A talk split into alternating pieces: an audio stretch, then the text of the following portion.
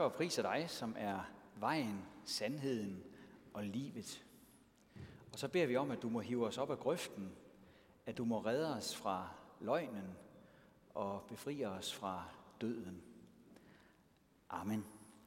Dette hellige evangelium skriver evangelisten Johannes.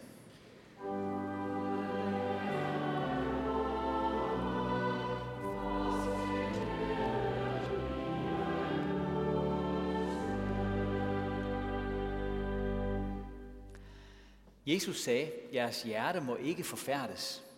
Tro på Gud og tro på mig. I min fars hus er der mange boliger. Hvis ikke, vil jeg så have sagt, at jeg går bort for at gøre en plads rede for jer. Og når jeg er gået bort og har gjort en plads rede for jer, kommer jeg igen og tager jer til mig, for at også I skal være, hvor jeg er. Og hvor jeg går hen, derhen kender I vejen. Thomas sagde til ham, Herre, vi ved ikke, hvor du går hen. Hvordan kan vi så kende vejen? Jesus sagde til ham, Jeg er vejen og sandheden og livet. Ingen kommer til faderen uden ved mig. Kender I mig, vil I også kende min fader. Og fra nu af kender I ham og har set ham. Philip sagde til ham, Herre, vis os faderen, når det er nok for os. Jesus sagde til ham, så lang tid har jeg været hos jer, og du kender mig ikke, Filip. Den, der har set mig, har set faderen. Hvordan kan du så sige, vis os faderen? Tror du ikke, at jeg er i faderen, og faderen er i mig? De ord, jeg siger til jer, taler jeg ikke af mig selv, men faderen, som bliver i mig, gør sine gerninger. Tro mig, at jeg er i faderen, og faderen er i mig. Hvis ikke, så tro på grund af selve gerningerne. Amen.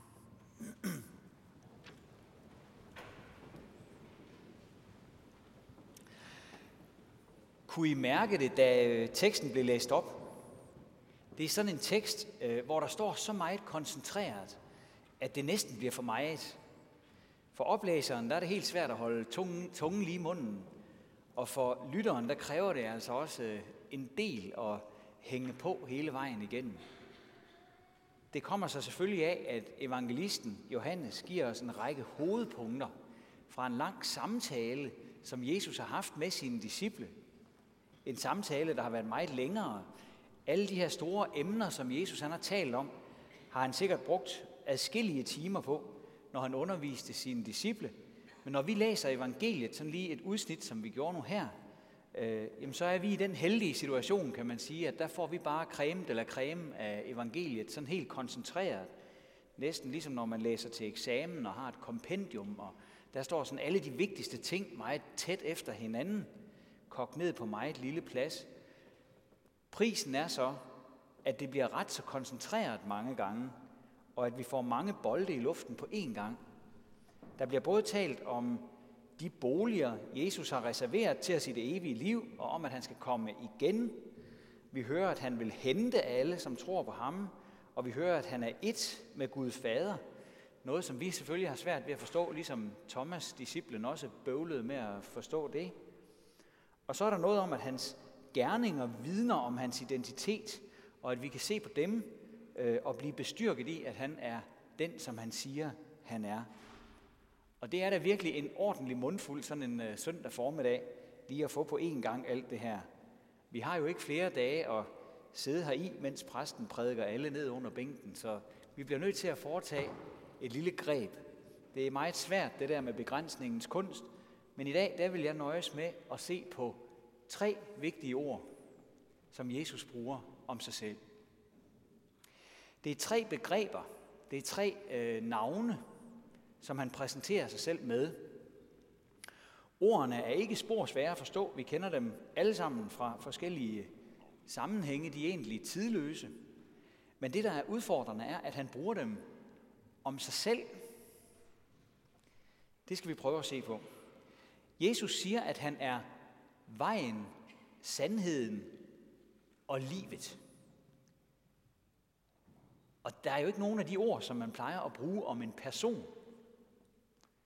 Han er vejen, han er sandheden, han er livet. Øh, men her ligger der nemlig nogle store hemmeligheder gemt til os. Dejlige hemmeligheder, som vi får lov til at få indblik i. Noget, som øh, vi kan bruge til både at øh, leve på og dø på. Noget, som holder hele vejen hjem. Og det skal vi prøve at kigge på. Jeg er vejen, siger Jesus. da Jesus gik omkring nede i Israel, så var der et ordsprog, som alle kendte. Det var romerne, der havde lanceret det. Undskyld, jeg lige hopper ud af mit manuskript. Jan, kan du gøre et eller andet ved lyden? For jeg synes, det er ligesom om, det, det kører lidt rundt, sådan runger lidt. Øh, det var et ordsprog, som romerne havde lanceret. Øh, romerne, de var jo det folk, som dominerede dagsordenen i verden dengang. Vi kunne næsten kalde dem datidens kinesere.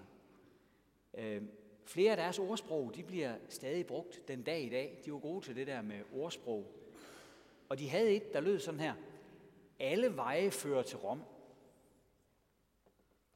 Det er sådan en uh, smart one-liner, som man kan bruge, når man lige skal, skal sige noget frisk. Og det var sådan set også rigtigt nok, at alle veje førte til Rom.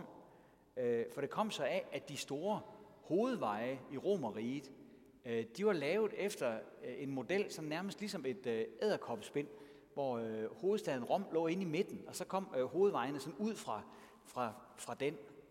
Så hvis man bare fandt en hovedvej, så kunne man komme til Rom. På den måde, der var det, der var det sandt nok. Selvom man var meget langt væk fra Rom, så, så førte alle veje til Rom. Følg en hovedvej, så kommer du frem til hovedstaden. Det var meningen med, med det her ordsprog. Nu var der selvfølgelig lige den pointe, øh, som ordsproget ikke havde med, at man også skulle øh, gå den rigtige vej på den der hovedvej. Ellers så kom man jo bare længere væk fra, fra Rom. Øh, men sådan er det jo tit med øh, one-linere, at de, øh, de er måske ikke altid så, så nuancerede, når det kommer til stykket. Men det Jesus han siger, øh, det er ikke sådan en smart one-liner. Hans ord er faktisk ret dramatiske, synes jeg. Øh, han siger ikke, at alle veje øh, fører til Gud, eller at vi bare skal have et eller andet, som vi kalder en slags tro af en eller anden art. Øh, så går det nok, så skal vi nok komme frem til boligerne i det evige liv. Det siger han faktisk ikke. Øh, han siger rent ud, at han er vejen. Og her skal vi jo lægge mærke til, at han ikke bare siger, at jeg er en vej til Gud. Men han siger, at jeg er vejen og sandheden og livet. Og som om det ikke var nok, så sætter han en streg under det ved at uddybe. Ingen kommer til faderen uden ved mig. Altså det han siger, det er, at der er ikke nogen, der kommer frem til Gud øh, uden at følge mig. Det har godt nok lyttet øh, vildt i den samtid, hvor han øh, sagde det. Bortset fra jøderne og de kristne, troede næsten alle mennesker, at der var masser af forskellige guder. Guder, som øh, var specialister inden for forskellige områder af livet. Hvis det drejede sig om penge og økonomi, så var der en bestemt Gud, som man skulle ofre til og bede til. Hvis det handlede om ens øh, kærlighedsliv, så var der en anden Gud, som man skulle øh, ofre til og bede til. Hvis det handlede om øh, vejret, så var det vejrguderne, øh, og så videre, og så videre. Og det gjorde man bare. Øh, det minder lidt om det her religiøse supermarked, som vi kan kalde øh, vores kultur i dag. Der er tilbud om mange, mange guder og meditation og ånder og alt muligt. For 2000 år siden, der dyrkede man også mange lokale guder. Og det var egentlig bare med til at gøre tingene endnu mere forvirrende. Man troede, at en Gud øh, særligt tog sig af sagerne i en by, og hvis man så skulle over i en anden by, øh, så var det en anden Gud, der ligesom havde øh, opsynet med den by. Kejseren offrede man også til, for ham troede man også var en Gud. Og hvis man ikke ville gøre det, så kunne man blive fængslet og endda henrettet. Og så kommer Jesus og siger, jeg er vejen. Ingen kommer til Gud, uden at følge mig. De andre veje fører ikke til den sande Gud, siger han. Men hans disciple troede på det, og i de følgende år forkyndte de om vejen, står der i Nye Testamente. De forkyndte om vejen, så mange kom til tro på Jesus. Der står et sted, at øh, der var mange, som også var blevet vrede og hårde modstandere. De gjorde sig hårde og talte ondt om vejen i forsamlingens påhør, står der om nogen, der ikke ville høre den kristne forkyndelse. Så det var altså noget, der delte vandene allerede dengang. Men Jesus er virkelig vejen. Han er den, som vi må have lov til at følge, så vi kan nå frem til Gud. Vejen fører til Gud, ham der er vejen. Han er forbindelsen til Gud. Han er den eneste forbindelse til Gud. Vil vi lære Gud at kende, så skal vi lære Jesus at kende, ellers far vi vild, og så ender vi i smadret. Et andet sted kalder Jesus vejen for den smalle vej. Det er jo sådan med landevejen, at der er helt utrolig god plads ved siden af den. Ved siden af landevejen, der er der bare rigtig god plads. Landevejen, den er samtidig lidt smal. Og jeg, har, jeg er sådan lidt interesseret i natur og friluftsliv og sådan nogle ting. Jeg har nogle gange taget min bil, og så har jeg ligesom ville skyde en genvej, fordi der var et sted, hvor det så ud til, at man godt kunne køre ind på en mark, og så kunne man jo lige se, hvordan der så ud hen ved den skov der. Der havde kørt en traktor, så kunne jeg nok også køre der med min bil. Det er altså gået galt flere gange. Så kommer jeg ud i noget smadret og sidder fast og skal have fat i landmanden. Det er meget pinligt og skal trækkes fri. Og hvorfor er du her? Og sådan noget. Det er ikke godt. Og når man så kommer hjem, så spørger ens kone, hvorfor der er så meget smadret op af bilen der, fuldstændig klistret ind i mudder. Det er meget pinligt. Når det handler om tro og religion, så er der også mange tilbud til os her i livet. De lyder både nemme og spændende.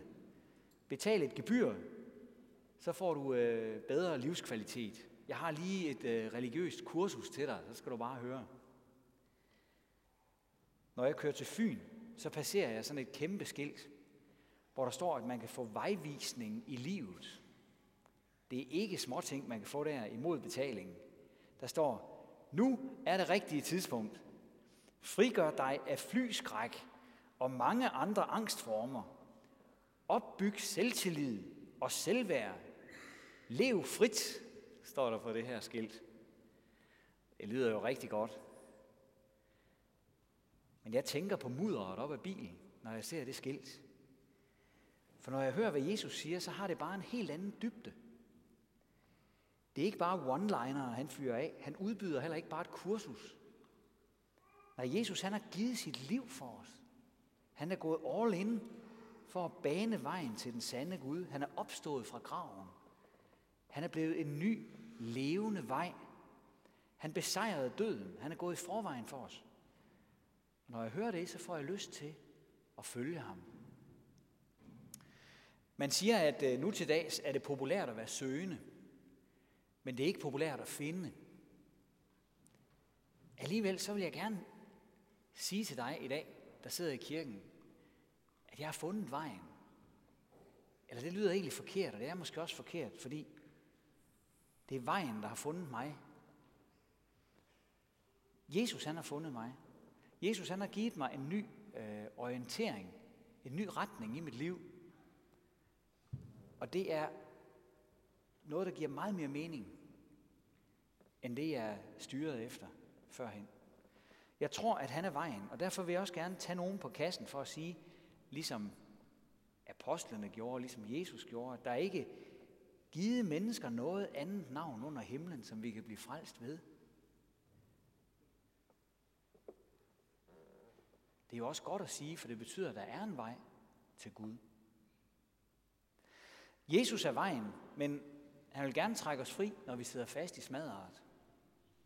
Eller når vi ryger i grøften. Jesus han er aldrig længere væk end en lille bøn. Så vil han give os en ny begyndelse. Så vil han minde os om, at det er ham, som vi skal holde os til for at nå frem. Den næste titel, som Jesus bruger om sig selv, er sandheden. I den tid, som vi lever i, er falske nyheder blevet et modefænomen. Man kalder det fake news, og det går ud på, at hvis der er en historie, der er mere spændende end sandheden, så vil man hellere tro på den, end man vil tro på sandheden. Sådan har det nok været i hele menneskehedens historie lige siden det gik galt i begyndelsen. Det er simpelthen mere tilfredsstillende på den korte bane at tro på en spændende løgn, end at tro på en udramatisk sandhed. kirken og de kristne, måske ikke mindst præsterne, er temmelig udsatte på det her område. Der går en forfærdelig masse vandrehistorier om, hvad de siger og gør henne i kirken, og hvad den og den præst nu har lavet. Og når man hører det, så er man ved at falde ned af stolen. Hvad er det dog, der bliver fortalt om en ude i byen? Men Jesus, han er ikke øh, overrasket over det åbenbart. Han siger et sted til sine disciple, at de skal regne med at blive hånet og forfulgt og løjet om. Han siger, salig er I, når man på grund af mig håner jer og forfølger jer og lyver jer alt muligt ondt på. Fryd jer og glæd jer, for jeres løn er stor i himlene, således har man også forfulgt profeterne før jer. Så når jeg hører sådan en eller anden vanvittig vandrehistorie om, hvad jeg nu skulle have sagt eller gjort eller lavet, jamen øh, så føler jeg mig rigtig meget salig, kan man sige. Problemet med løgnen er, at næsen desværre ikke vokser synligt ud på øh, dem, som fyrer den af. Det ville gøre det meget nemmere at skelne mellem sandhed og løgn, hvis det var sådan, men det er det ikke. Og derfor er det tit sådan med sandheden, at vi er nødt til at søge stillheden og koncentrere os en lille smule for at finde den. Løgnen derimod, den kan man sagtens håndtere sådan med venstre hånd, fordi den er altid nem og sjov, og den er sådan nærmest selvkørende. Så den behøver man ikke koncentrere sig om. Ikke mindst når vi har fået en digital flokmentalitet, som det kaldes, hvor man hele tiden er på udkig efter nogle nye ofre i hønsegården, som man kan hakke på, for det er jo i høj grad det, som de sociale medier overlever på, at der er nogen, vi kan hakke på i fællesskab. Og sådan melder løgnen sig af sig selv. Vi får den på et sølvfad, uden at skulle spørge efter den eller arbejde for den. Og den smager bare så godt. Sandheden derimod, den kræver mere af os. Den skal vi lede efter. Og den er ikke altid så nem, fordi den ikke bare udspringer af ønsketænkning, men udspringer af virkeligheden. Hele menneskeheden, også du og jeg, må kæmpe med den fristelse hele livet igennem, om vi vil vælge de lette løsninger og acceptere den nemme løgn. Om vi vil arbejde med at søge sandheden og retfærdigheden, eller om vi vil undertrykke sandheden og retfærdigheden. Der er en gammel salme i Gamle Testamente, øh, hvor Gud siger, I mennesker, hvor længe vil I krænke min ære? I elsker tomhed og søger løgn. Bliv blot vrede, men synd ikke. Tænk efter på jeres leje og vær stille. Det er Gud, der siger, at vi hellere vil høre løgnen end sandheden. Ja, at vi ligefrem søger løgnen, siger han, fordi den er så interessant. Det er åbenbart noget, der gør ham krænket, får vi at vide. I stedet skulle vi tage og tænke efter, når vi ligger i vores seng, og være stille og søge sandheden. Og ligge og tænke efter i sin seng. Det er nok ikke lige den vej til sandheden, som de fleste går og håber på at få anvist. Mange er faktisk bange for at komme til at tænke efter. Man prøver at flygte fra Stilheden, hvor de vigtige tanker melder sig. Der er blevet lavet nogle undersøgelser, hvor specialister har konkluderet, at de sociale medier betyder, at mennesker får en ringere evne til at erhverve nye indsigter. En ringere evne til at erhverve nye indsigter. Det er faktisk alvorligt. Men Gud vil altså, at vi begynder at lytte til ham. At vi slukker lidt for skærmen at vi beder til ham, læser noget i hans ord, hvis vi kan, eller tænker over det, vi har hørt andre læse hen i kirken. Den, der søger, skal finde sandheden. Den, der farer rundt og leder efter den næste vilde historie, vil nok ikke finde den. Meditation er et vigtigt ord her. I dag betyder meditation som regel noget med energier og teknikker og kurser og så skal man lære at finde noget inden i sig selv. Men oprindeligt betyder meditation, at man tænker over Guds ord. Guds ord, som kommer udefra til os.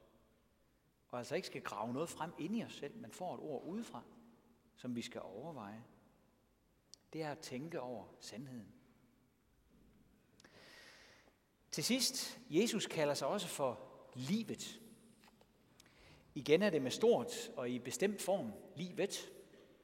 Ligesom han ikke bare giver os en vej blandt mange andre, eller viser os en sandhed blandt mange andre, kommer han heller ikke bare med et bud på, hvordan vores liv kan indrettes, men han kommer med livet, det virkelige liv, fordi han er den eneste vej til Gud, og den eneste, der kan vise os sandheden i absolut forstand.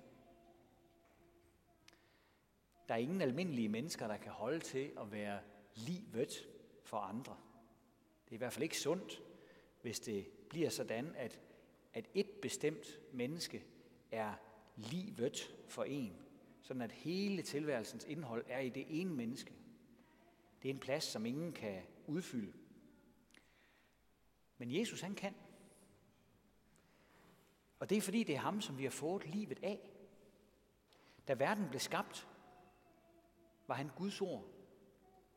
Det lyder syret, men ordene, der kom ud af Guds mund, da han talte og skabte verden med sit ord, det ord blev senere til en person, Jesus, som blev født her på jorden. Det er hemmeligheden om Jesus. Derfor er det ikke nogen overdrivelse, når Jesus siger, at han er selve livet. Vi skylder ham alt, og uden ham var intet til af det, som er.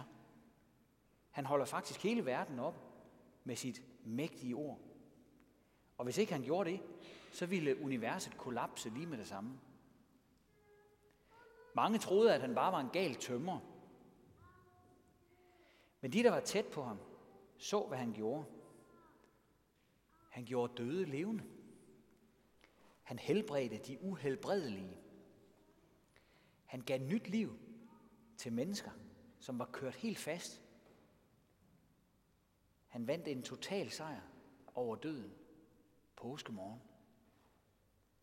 Så for dem var det tydeligt, at han var livet i egen høje person. Og at han har liv i overflod. Liv, som aldrig skal slippe op til alle dem, der vil følge ham. Så lad os gøre det. Lad os følge ham, som er vejen. Ære være faderen og sønnen og helligånden, som det var i begyndelsen, så også nu og altid, og i al evighed. Amen. Og lad os rejse os op og sige det her dejlige ønske højt i kor for hinanden. Hvor Herres Jesu Kristi nåde, Guds, vor Fars kærlighed og Helligåndens fællesskab være med os alle. Amen.